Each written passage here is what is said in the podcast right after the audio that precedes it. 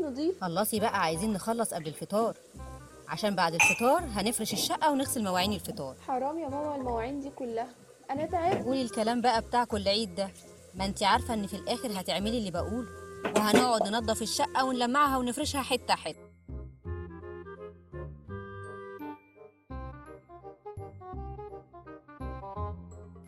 فريدة يا فريدة تعالي بسرعة. في إيه يا ماما؟ خلتيني نزلت من على السلم جري. سلم إيه؟ هو انت كل ده بتنضفي في النيش؟ كل ده إيه؟ ده أنا بقالي ربع ساعة بس يا ماما. طيب خلصتي الأوضة دي؟ آه خلصتها. في حاجة ولا إيه؟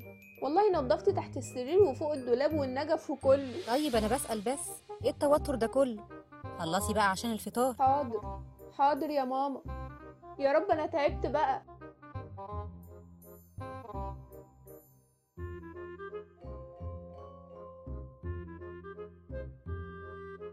يلا بقى يا فريدة.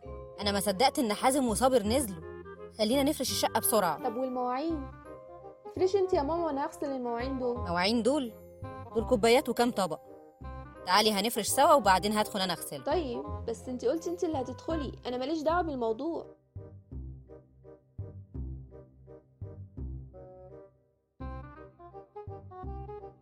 آه يا ظهري. آه يا رجلي. آه.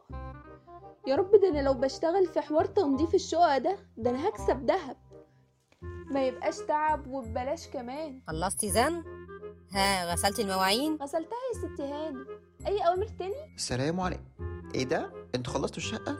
طب مش كنتوا تكتبوا على باب الشقة عشان كان زماني قلعت الجزمة بره؟